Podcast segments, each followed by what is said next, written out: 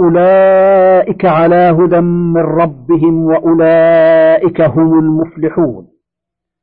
يقول الله تعالى أولئك أي المتصفون بما تقدم من الإيمان بالغيب وإقام الصلاة والإنفاق من الذي رزقهم الله والإيمان بما أنزل الله إلى الرسول ومن قبله من الرسل والإيقان بالدار الآخرة وهو مستلزم الاستعداد لها من الأعمال الصالحة وترك المحرمات على هدى أي على نور وبيان وبصيرة من الله تعالى.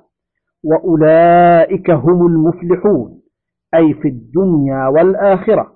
وقال محمد بن إسحاق عن محمد بن أبي محمد عن عكرمة أو سعيد بن جبير عن ابن عباس أولئك على هدى من ربهم أي على نور من ربهم واستقامة على ما جاءهم به. وأولئك هم المفلحون أي الذين أدركوا ما طلبوا ونجوا من شر ما منه هربوا. وقال ابن جرير وأما معنى قوله تعالى أولئك على هدى من ربهم فإن معنى ذلك فإنهم على نور من ربهم وبرهان واستقامة وسداد بتسديده إياهم وتوفيقه لهم. وتأويل قوله تعالى وأولئك هم المفلحون أي المنجحون المدركون ما طلبوا عند الله بأعمالهم وإيمانهم بالله وكتبه ورسله من الفوز بالثواب والخلود في الجنات والنجاة مما أعد الله مما أعد الله لأعدائه من العقاب. وقد حكى ابن جرير قولا عن بعضهم أنه أعاد اسم الإشارة في قوله تعالى أولئك على هدى من ربهم وأولئك هم المفلحون إلى مؤمني أهل الكتاب الموصوفين بقوله تعالى والذين يؤمنون بما أنزل إليه. الآية على ما تقدم من الخلاف. وعلى هذا فيجوز أن يكون قوله تعالى والذين يؤمنون بما أنزل إليك منقطعا مما قبله وأن يكون مرفوعا على الابتداء وخبره أولئك هم المفلحون واختار أنه عائد إلى جميع من تقدم ذكره من مؤمن العرب وأهل الكتاب لما رواه السدي عن أبي مالك وعن أبي صالح عن ابن عباس وعن مرة الهمداني عن ابن مسعود وعن أناس من أصحاب رسول الله صلى الله عليه وسلم أما الذين يؤمنون بالغيب فهم المؤمنون من العرب والذين يؤمنون بما أنزل إليك وما أنزل من قبلك هم المؤمنون من أهل الكتاب ثم جمع الفريقين فقال أولئك على هدى من ربهم وأولئك هم المفلحون. وقد تقدم من الترجيح أن ذلك صفة للمؤمنين عامة والإشارة عائدة عليهم والله أعلم. وقد نقل عن مجاهد وأبي العالية والربيع بن أنس وقتادة رحمهم الله وقال ابن أبي حاتم حدثنا أبي حدثنا يحيى بن عثمان ابن صالح المصري حدثنا أبي حدثنا ابن لهيعة حدثني عبيد الله بن المغيرة عن أبي الهيثم واسمه سليمان بن عبد الله عن عبد الله بن عمرو عن النبي صلى الله عليه وسلم وقيل له يا رسول الله إنا نقرأ من القرآن فنرجو. ونقرأ من القرآن فنكاد أن نيأس أو كما قال. قال أفلا أخبركم عن أهل الجنة وأهل النار؟ قالوا بلى يا رسول الله. قال ميم. ذلك الكتاب لا ريب فيه هدى للمتقين. إلى قوله تعالى المفلحون. هؤلاء أهل الجنة. قالوا إنا نرجو أن نكون هؤلاء. ثم قال إن الذين كفروا سواء عليهم سواء عليهم إلى قوله عظيم. هؤلاء أهل النار. قالوا لسنا هم يا رسول الله. قال أجل. إن الذين كفروا سواء عليهم أأنذرتهم أم لم تنذرهم لا يؤمنون. يقول تعالى إن الذين كفروا أي غطوا الحق وستروه وقد كتب الله تعالى عليهم ذلك سواء عليهم إنذارك وعدمه فإنهم لا يؤمنون بما جئتهم به. كما قال تعالى إن الذين حقت عليهم كلمة ربك لا يؤمنون ولو جاءتهم كل آية حتى يروا العذاب الأليم. وقال تعالى في حق المعاندين من أهل الكتاب ولئن أتيت الذين أوتوا الكتاب بكل آية ما تبعوا قبلته. الآية أي إن من كتب الله عليه الشقاوة فلا مسعد له ومن أضله فلا هادي له فلا تذهب نفسك عليهم حسرات وبلغهم الرسالة فمن استجاب لك فله الحظ الأوفر. ومن تولى فلا تحزن عليهم ولا يهمنك ذلك فإنما عليك البلاغ وعلينا الحساب. إنما أنت نذير والله على كل شيء وكيل. وقال علي بن أبي طلحة عن ابن عباس في قوله تعالى إن الذين كفروا سواء عليهم أأنذرتهم أم لم تنذرهم لا يؤمنون قال كان رسول الله صلى الله عليه وسلم يحرص أن يؤمن جميع الناس ويتابعوه على الهدى فأخبره الله تعالى أنه لا يؤمن إلا من سبق له من الله السعادة في الذكر الأول ولا يضل إلا من سبق له من الله الشقاوة في الذكر الأول. وقال محمد بن إسحاق حدثني محمد بن أبي محمد عن عكرمة أو سعيد بن جبير عن ابن عباس إن الذين كفروا أي بما أنزل إليك وإن قالوا إنا قد آمنا بما جاءنا قبلك سواء عليهم أأنذرتهم أم لم تنذرهم لا يؤمنون. أي إنهم قد كفروا بما عندهم من ذكرك وجحدوا ما أخذ عليهم من الميثاق. وقد كفروا بما جاءك وبما عندهم مما جاءهم به غيرك فكيف يسمعون منك إنذارا وتحذيرا؟ وقد كفروا بما عندهم من علمك. وقال أبو جعفر الرازي عن الربيع بن أنس عن أبي العالية قال نزلت هاتان الآيتان في قادة الأحزاب وهم الذين قال الله فيهم ألم تر إلى الذين بدلوا نعمة الله كفرا وأحلوا قومهم دار البوار جهنم يصلونها؟ والمعنى الذي ذكرناه أولا وهو المروي عن ابن عباس في رواية علي بن أبي طلحة أظهر ويفسر, ويفسر ببقية الآيات التي في معناها والله أعلم. وقد ذكر ابن أبي حاتم ها هنا حديثا فقال حدثنا أبي حدثنا يحيى بن عثمان بن صالح المصري حدثنا أبي حدثنا ابن لهيعة حدثني عبد الله بن المغيرة عن أبي الهيثم عن عبد الله بن عمرو وقال قيل يا رسول الله إنا نقرأ من القرآن فنرجو ونقرأ فنكاد أن نيأس. فقال ألا أخبركم؟ ثم قال إن الذين كفروا سواء عليهم أأنذرتهم أم لم تنذرهم لا يؤمنون هؤلاء أهل النار قالوا لسنا منهم يا رسول الله قال أجل وقوله تعالى لا يؤمنون محله من الإعراب أنه جملة مؤكدة للتي قبلها سواء عليهم أأنذرتهم أم لم تنذرهم أي هم كفار في كلا الحالين فلهذا أكد ذلك بقوله تعالى لا يؤمنون ويحتمل أن يكون لا يؤمنون خبرا لأن تقديره إن الذين كفروا لا يؤمنون. ويكون قوله تعالى سواء عليهم أأنذرتهم أم لم تنذرهم جملة معترضة والله أعلم.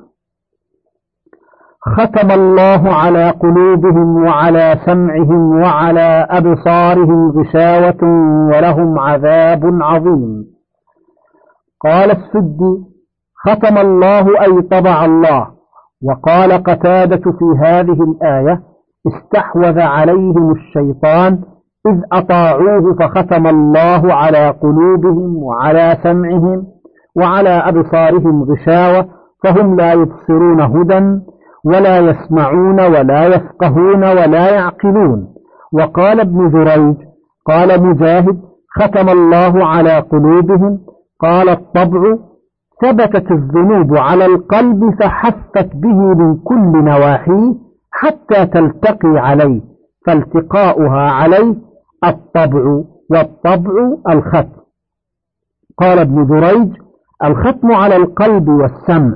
قال ابن جريج وحدثني عبد الله بن كثير أنه سمع مجاهدا يقول الران أيسر من الطبع والطبع أيسر من الأقفال والأقفال أشد من ذلك كله. وقال الأعمش أرانا مجاهد بيده؟ فقال كانوا يرون أن القلب في مثل هذه يعني الكف فإذا أذنب العبد ذنبا ضم منه. وقال بأصبعه الخنصر هكذا. فإذا أذنب ضم وقال بأصبع, بأصبع أخرى. فإذا أذنب ضم وقال بأصبع أخرى هكذا حتى ضم أصابعه كلها. ثم قال يطبع عليه بطابع. وقال مجاهد كانوا يرون أن ذلك الري ورواه ابن جرير عن أبي جرير عن أبي كريب عن وكيع عن الأعمش عن مجاهد بنحوه. قال ابن جرير وقال بعضهم إنما معنى قوله تعالى ختم الله على قلوبهم إخبار من الله عن تكبرهم وإعراضهم عن الاستماع لما دعوا إليه من الحق كما يقال إن فلانا أصم عن هذا الكلام إذا امتنع من سماعه ورفع نفسه عن تفهمه تكبرا. قال وهذا لا يصح لأن الله تعالى قد أخبر أنه هو الذي ختم على قلوبهم وأسماعهم. قلت وقد أطنب الزمخشري في تقرير ما رده ابن جرير ها هنا وتأول الآية من خمسة أوجه وكلها ضعيفة جدا وما جرأه على ذلك إلا اعتزاله لأن الختم على قلوبهم ومنعها من وصول الحق إليها قبيح عنده يتعالى الله عنه في اعتقاده. ولو فهم قوله تعالى فلما زاغوا أزاغ الله قلوبهم وقوله ونقلب أفئدتهم وأبصارهم كما لم يؤمنوا به أول مرة ونذرهم في طغيانهم يعمهون. وما أشبه ذلك من الآيات الدالة على أنه تعالى إنما ختم على قلوبهم وحال بينهم وبين الهدى جزاء وفاقا على تماديهم في الباطل وتركهم الحق. وهذا عدل منه. تعالى حسن وليس بقبيح فلو أحاط علما بهذا لما قال ما قال والله أعلم. قال القرطبي وأجمعت الأمة على أن الله عز وجل قد وصف نفسه بالختم والطبع على قلوب الكافرين مجازاة لكفرهم كما قال بل طبع الله عليها بكفرهم وذكر حديث تقليب القلوب. ويا مقلب القلوب ثبت قلوبنا على دينك.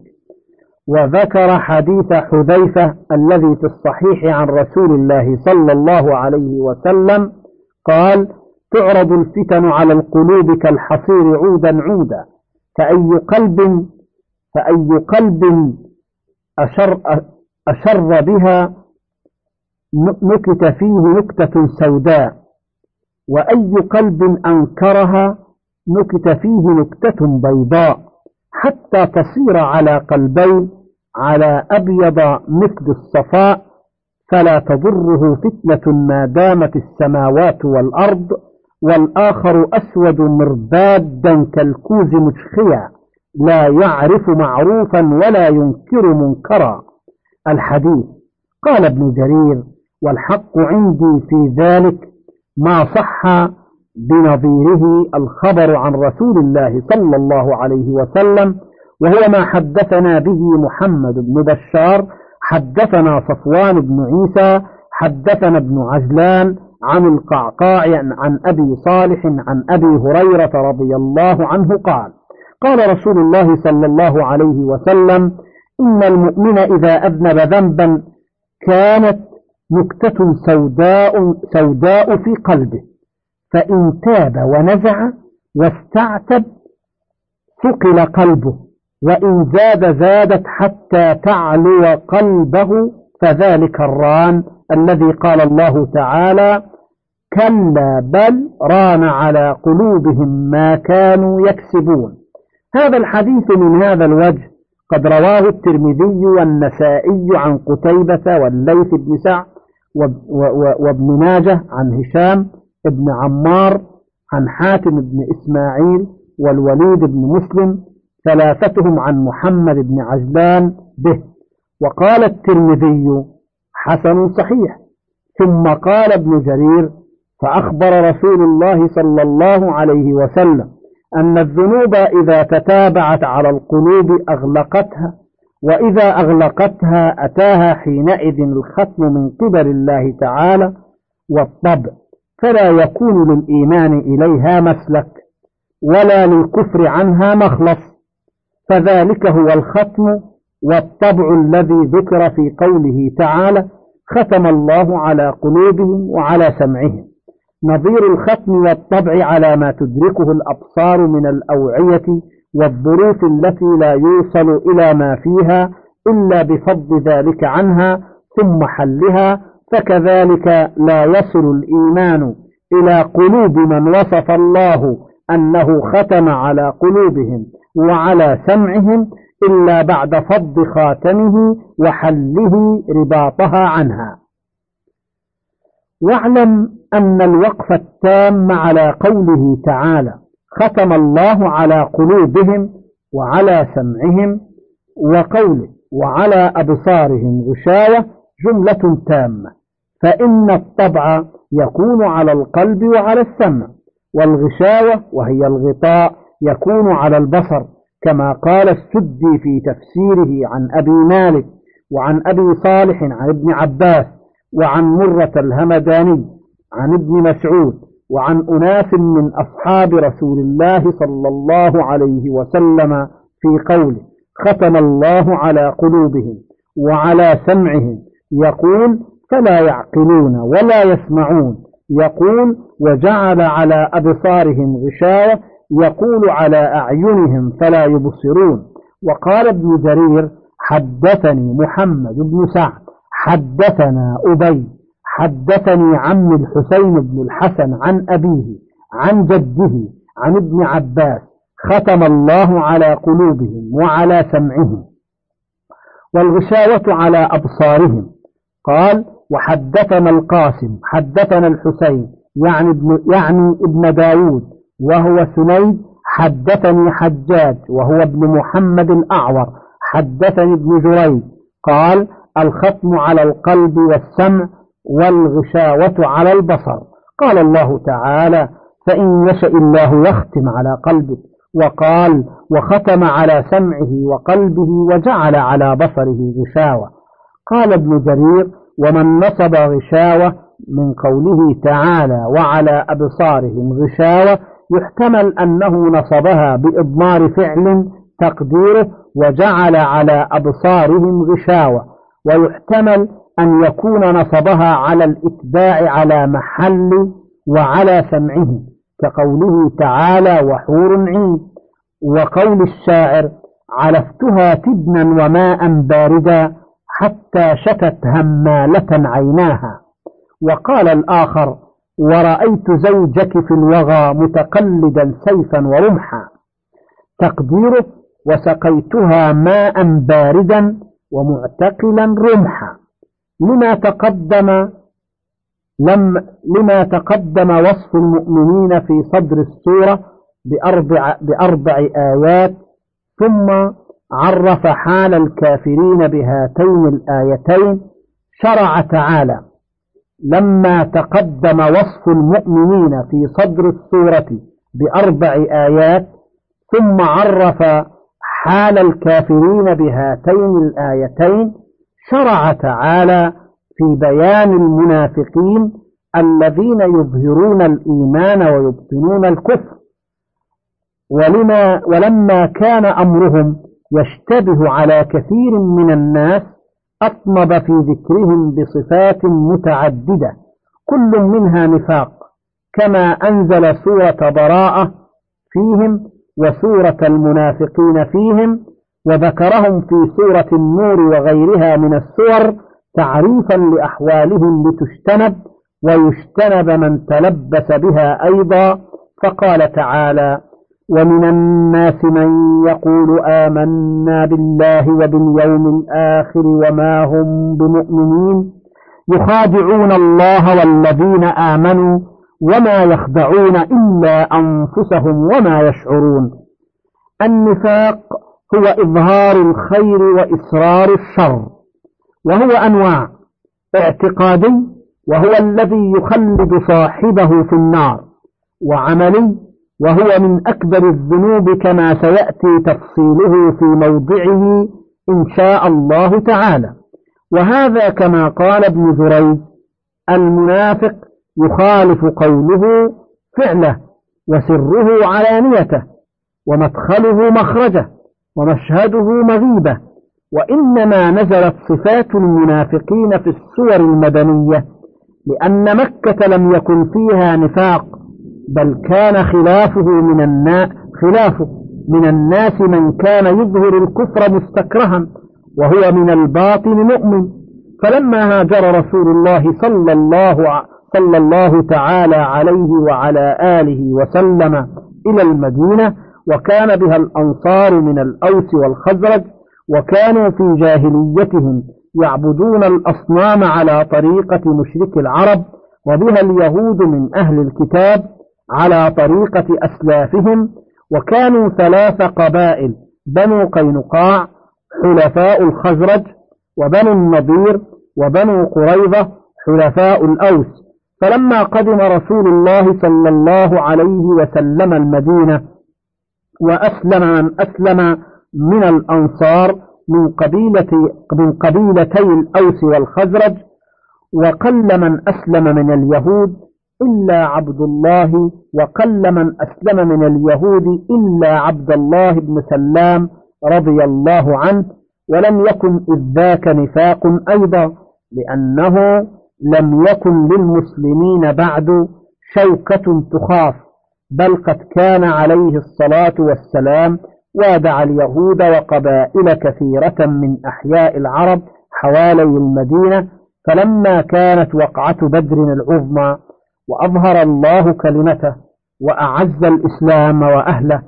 قال عبد الله بن أبي بن سلول وكان رأسا في المدينة وهو من الخزرج وكان سيد الطائفتين في الجاهلية وكانوا قد عزموا على أن يملكوه عليهم فجاءهم الخير وأسلموا واشتغلوا عنه فبقي في نفسه من الإسلام وأهله. فلما كانت وقعة بدر قال هذا أمر قد توجه فأظهر الدخول في الإسلام ودخل معه طوائف ممن هو على طريقته ونحلته وآخرون من أهل الكتاب فمن ثم وجد النفاق في أهل المدينة ومن حولها من الأعراب. فأما المهاجرون فلم يكن فيهم أحد يهاجر مكرها بل يهاجر فيترك ماله وولده وأرضه رغبة فيما عند الله في الدار الآخرة. قال محمد بن إسحاق حدثني محمد بن أبي محمد عن عكرمة أو سعيد بن زبير عن ابن عباس ومن الناس من يقول آمنا بالله وباليوم الآخر وما هم بمؤمنين يعني المنافقين من الأوس والخزرج ومن كان على أمرهم. وكذا فسرها بالمنافقين من الأوس والخزرج أبو العالية والحسن وقتادة والسدي. ولهذا نبه الله سبحانه على صفات المنافقين لئلا يغتر بظاهر أمرهم المؤمنون فيقع لذلك فساد عريض من عدم الاحتراز منهم ومن اعتقاد إيمانهم وهم كفار في نفس الأمر. وهذا من المحظورات الكبار أن يظن لأهل القبور خير. فقال تعالى ومن الناس من يقول آمنا بالله وباليوم الآخر وما هم بمؤمنين. أي يقولون ذلك قولا ليس وراءهم شيء آخر. كما قال تعالى إذا جاءك المنافقون قالوا نشهد إنك لرسول الله والله يعلم إنك لرسوله أي إنما يقولون ذلك إذا جاءوك فقط لا في نفس الأمر ولهذا يؤكدون الشهادة بإن ولام التأكيد في خبرها. أكدوا أمرهم قالوا آمنا بالله وباليوم الآخر وليس الأمر كذلك كما كذبهم الله في شهادتهم وفي خبرهم هذا بالنسبة إلى اعتقادهم بقوله تعالى والله يشهد إن المنافقين لكاذبون وبقوله وما هم بمؤمنين. الآن انتهى الوجه الثالث بعد انتهاء وقوله تعالى يخادعون الله والذين آمنوا أي بإظهارهم ما أظهروه من الإيمان مع إسرارهم الكفر. يعتقدون بجهلهم أنهم يخدعون الله بذلك وأن ذلك نافعهم عنده وأنه يروج عليه كما قد يروج على بعض المؤمنين كما قال تعالى يوم يبعثهم الله جميعا فيحلفون له كما يحلفون لكم ويحسبون أنهم على شيء ألا إنهم هم الكاذبون. ولهذا قابلهم على اعتقادهم ذلك بقوله وما يخدعون إلا أنفسهم وما يشعرون. يقول وما يغرون بصنيعهم هذا ولا يخدعون إلا أنفسهم وما يشعرون بذلك من أنفسهم.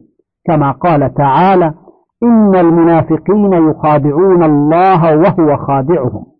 ومن القراء من قرأ وما يخدعون إلا أنفسهم. وكل وكلا القراءتين ترجع إلى معنى واحد. قال ابن جرير فإن قال قائل كيف يكون المنافق لله وللمؤمنين مخادعا؟ وهو لا يظهر بلسانه خلاف ما هو له معتقد إلا تقية. قيل لا تمتنع العرب أن تسمي من أعطى بلسانه. غير الذي في ضميره تقية لينجو مما هو له خائف مخادعا.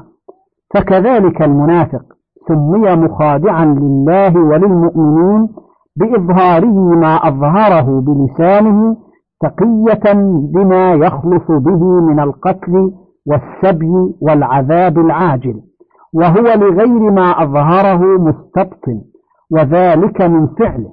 وإن كان خداعا للمؤمنين في عاجل الدنيا فهو لنفسه بذلك من فعله خادع.